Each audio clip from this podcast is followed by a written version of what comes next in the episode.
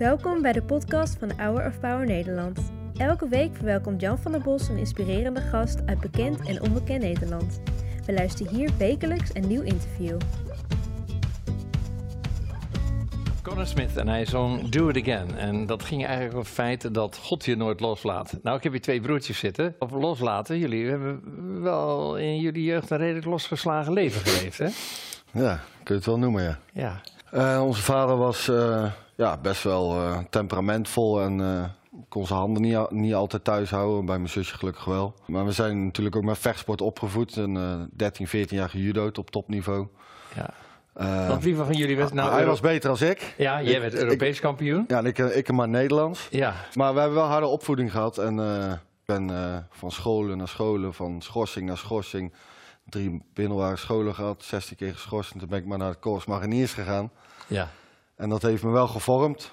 En eh, ja, Sam is naar de HAVO gegaan. Die heeft het, Ja. eh, En die heeft Ja. beter gedaan.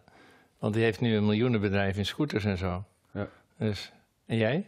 Gods liefde in mijn hart. Het allerbelangrijkste. Eh, nee, dat is een goed en een antwoord. gevlekt hartje. Dus ik, kan niet, ik wil niet weg bij Defensie. Nooit. Nee, nee, nee, nee, want je bent nog steeds bij het Ja, leger. ik, zit, ja, ik heb een tussenpoos van vier jaar een burger ben ik geweest. Ging ik, die broederschap die ik daar had, ging ik zoeken in de burgermaatschappijen. En het ging, ja, het ging heel slecht. Dus het ging van eerst geweld. En eh, ja, je voelt je natuurlijk het alfatje, want je komt van het korps af. En ga je vrienden wel opzoeken, maar die zaten in hetzelfde netwerk als Ja. toen ik vertrok. Dus eh dat was eh, heel aannemelijk om daar weer terug in te stappen. Ja. Laat ik eens even bij het begin beginnen.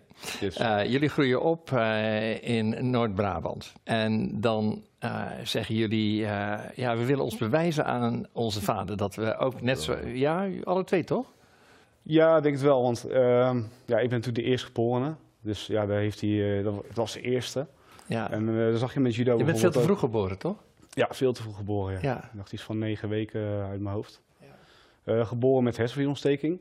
Eh, ja, als eerstgeborene word je toch al wat vaker wat sneller voorgetrokken in een, in een gezin. En met judo kwam dat al meteen boven water. Want ja, als wij tegelijkertijd moesten gaan judoën op verschillende matten...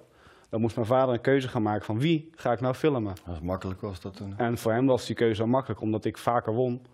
Hij daar zelf ook meer eh, prestatiedrang uit haalde. En hij werd vaker tweede. Ja, en ik was een grondvechter. Hè. Maar, maar de te- tegenstander was altijd veel groter dan mij. Want ik Ja. was een beetje, een beetje breed, of tenminste wat dikker toen. Ja. Dus ik moest echt knok, knokken. En Sam was gewoon poef. De, echt de eerste 20 seconden al een worp en dan was Ipon klaar. Ik zou bijna willen vragen, doe eens even hier een demonstratie in de Kamer, maar laten we dat maar niet doen. Nee. Eh, jij wordt Nederlands kampioen, jij wordt Europees kampioen. Pa natuurlijk helemaal trots. Jullie Ja. zusje zit ook in de judo.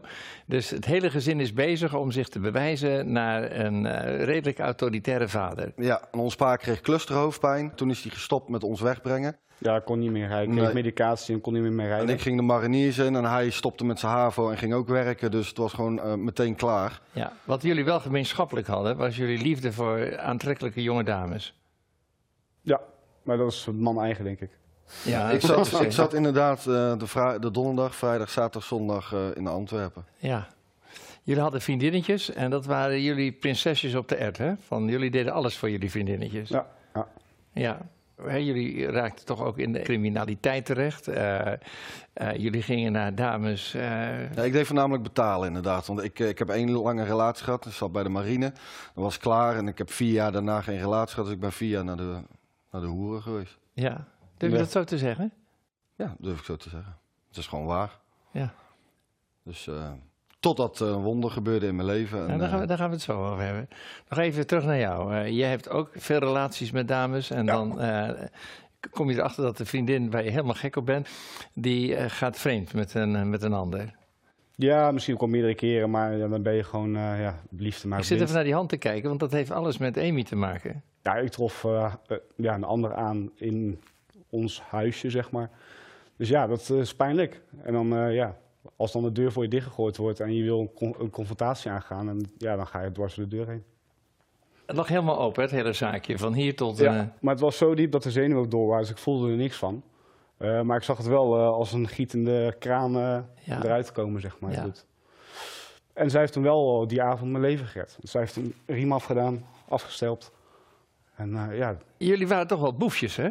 Want uh, jullie gebruikten drugs, jullie uh, waren wat crimineel bezig. Ik was echt van de stappen, vechten, motorrijden, gek doen en uh, pff, echt de gekste dingen en ook de ergste dingen. Ik zocht een vaderliefde, een vaderlijk ja. gevoel, maar ja, dat ga je dan zoeken in, in seks, drugs, rock and roll en je vindt helemaal niks, want het is allemaal vluchtig. Ja, bleef je hart leeg? Heel leeg, ja. ja.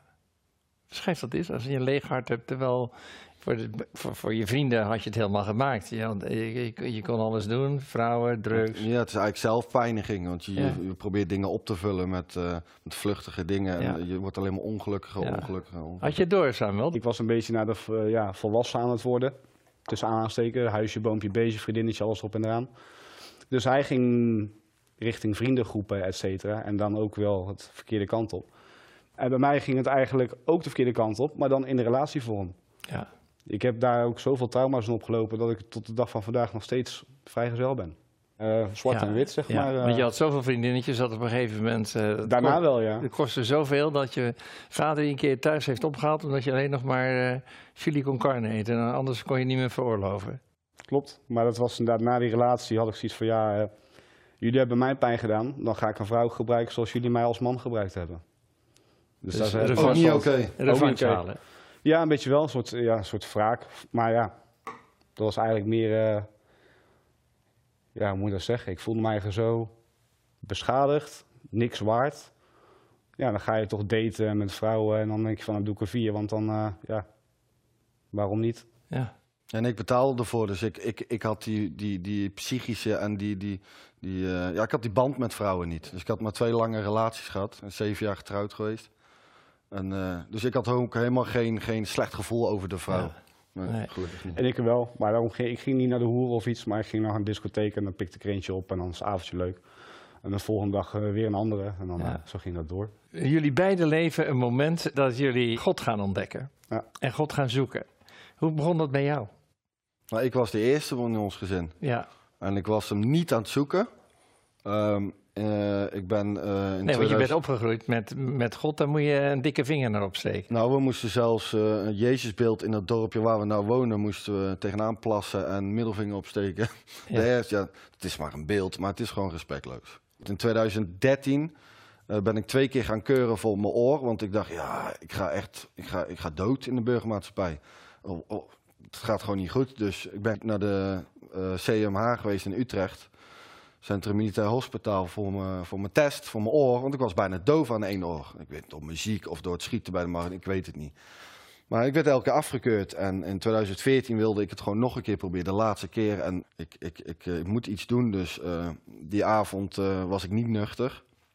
Maar ik ben wel op mijn knieën gegaan en ik heb gezegd, God, Jezus, als jullie bestaan, ik ben niet dom, er is wel wat. Ik trek het niet meer. Of ik ga dood, want ik moet echt goedgekeurd worden en weer terug bij Defensie. Want ik wil niks anders. En ik kan waarschijnlijk ook niet veel anders, want ik wil het ook niet. Dus help. Toen ben ik naar Utrecht gereden. En uh, de KNO'tje zegt, Marinier, ben je er alweer? Ik zeg, ja, drie keer scheepsrecht, hé? Zo hoort dat toch? Hij zegt, ja, nog een keer dan.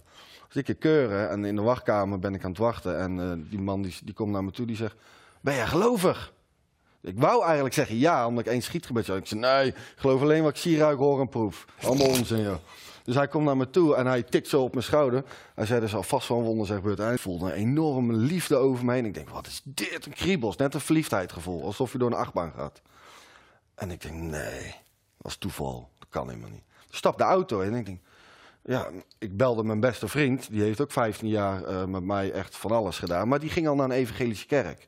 Geen idee wat dat was. Dus ik bel hem op. Ik zeg, zeg maat, ik, zeg, ik heb gisteren gebeden ja, mijn oor is genezen. Want ik ben na drie keer toch goedgekeurd. Hij zei, halleluja, prijs de Heer, Jezus heb je genezen. Ik zei, schei uit jongen, Jezus die is al lang dood. Dat was onzin. Ik zeg, ik hoor je wel weer. Poenk. Dus, en ik reed van Utrecht naar, naar, naar Steenbergen. En bij Raamstonkveer uh, was een groot billboard met Jezus red. Ja. Ik denk, wat is dit?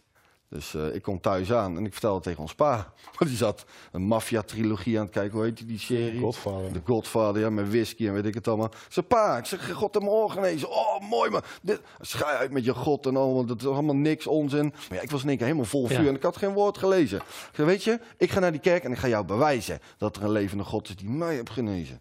Dus ik ging naar de kerk. En ik kwam daar binnen en ik kreeg een knuffel en ik zag een kruis met een band. Ik dacht, nou, dat is wel aannemelijk, toch? Ja. Dus... Uh, die man, eh, ik kijk hem aan, ik zeg, wat doe jij hier? Hij zegt, ja, hij zegt, Aaron. Hij zegt, God heeft mij gered. Ik zeg, gered?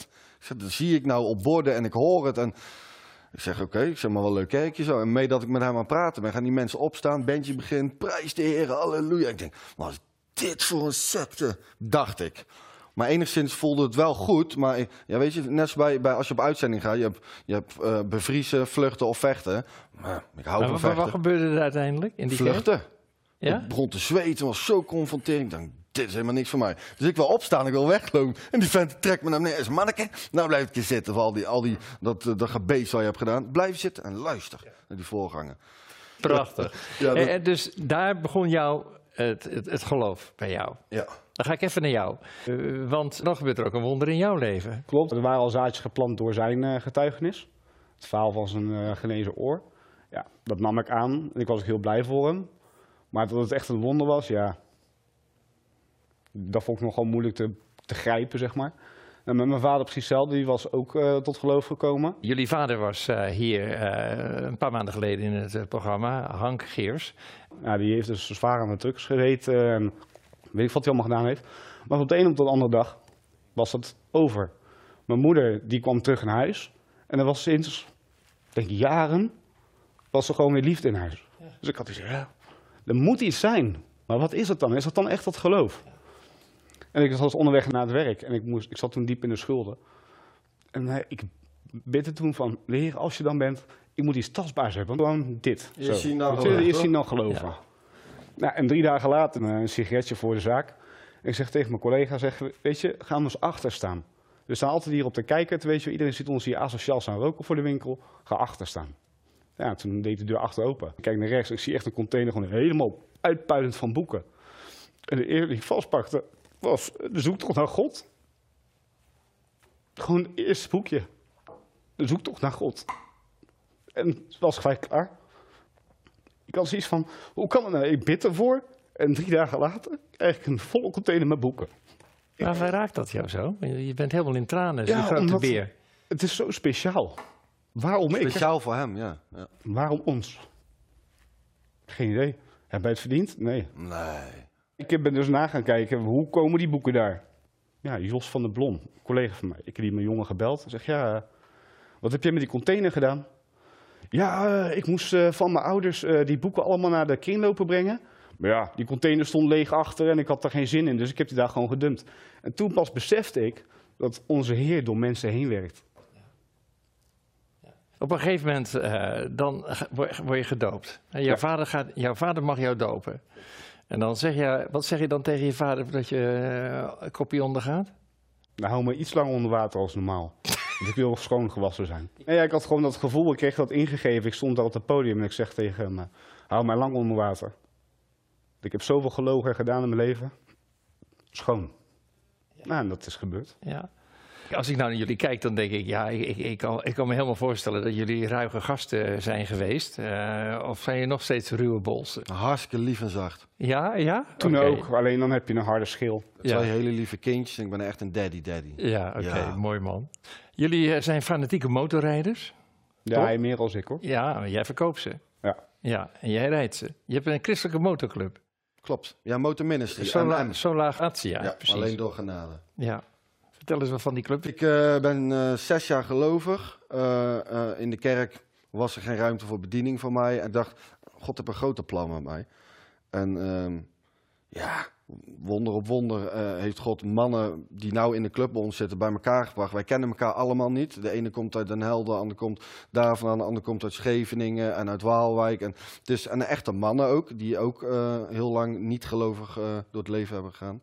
En we zijn gaan rijden en we zijn naar clubs toe gegaan. En er gebeuren wonderen en tekenen. En we mogen bidden bij het Erasmus ziekenhuis voor een, een, een, een broeder van een andere motorclub, een niet-gelovige motorclub, die uh, ja, levensbedreigend echt in het ziekenhuis een motorongeluk heeft gehad. Je bent goed bezig. Ja, het is echt ontiegelijk mooi wat, wat wij mogen doen. En ook dat, dat God die deuren openzet. Ja. En uh, weet je, ik zocht het vroeger ook in motorrijbroederschap en dat soort ja. dingen. En dat is top, maar er is nog meer. En wij willen de liefde van God laten zien. Ja. In de motorwereld. Twee broertjes die uh, daarin uh, weer helemaal uh, samen verenigd zijn. Je bent nu een hele succesvolle zakenman. Ja. Je hebt een business opgebouwd met scooters en andere ja. motorrijtuigen. Knap hoor. Nou, jullie zijn niet het doorsnee type christen, hè? Dat, daar heb je toch een. Ja, wij zijn de standaard christen. Ja? ja? God kwam voor de hoeren, voor de tollenaars, voor de zwervers, voor de moordenaars, voor de criminelen, voor de normale mensen. Je hebt ook altijd overal een antwoord op, hè? Ja. Veel mensen zeggen de, vragen dezelfde vraag. Ja. Die zijn geen standaard christen, hè? Zie je wel. We zien er misschien standaard uit. Kan wel, een pak, een stropdas en zo. Lekker blouse aan. Ja, blouse ja, blouse aan. Iedereen uh, die, die God, uh, God leert kennen, die, die krijgt ook van mijn mening een taak en ook een, een, een deel van de maatschappij waar hun kunnen functioneren en evangeliseren. Ja. Ja, bij mij komt, is dat op plekken waar gemiddelde mensen misschien niet komen en bij hem is dat weer op andere ja. plekken. Jongens, ik vond het een fascinerend verhaal. Jullie zijn mooie kerels. Dank je. Dit is ons Vaderdaggeschenk. Kijk, hier, uh, hier zie je, lees het even voor jongens wat erop staat. This is the day the Lord has made. Zie je wel, ik dacht al, jij bent gewoon weer de eerste. Weet je jongens, als ik jullie verhaal hoor, dan denk ik, ik blijf me verbazen over hoe groot God is. Ja. Heb je nog een boodschap aan Nederland? Ja, ook in deze tijden, mensen, God houdt echt van ons. Echt. Bezoek eens een keer een kerk. Mooi. Bedankt voor het luisteren naar het interview van deze week. We hopen dat dit verhaal jou heeft bemoedigd. Wil je meer weten over Hour of Power of andere interviews bekijken? Ga dan naar www.hourofpower.nl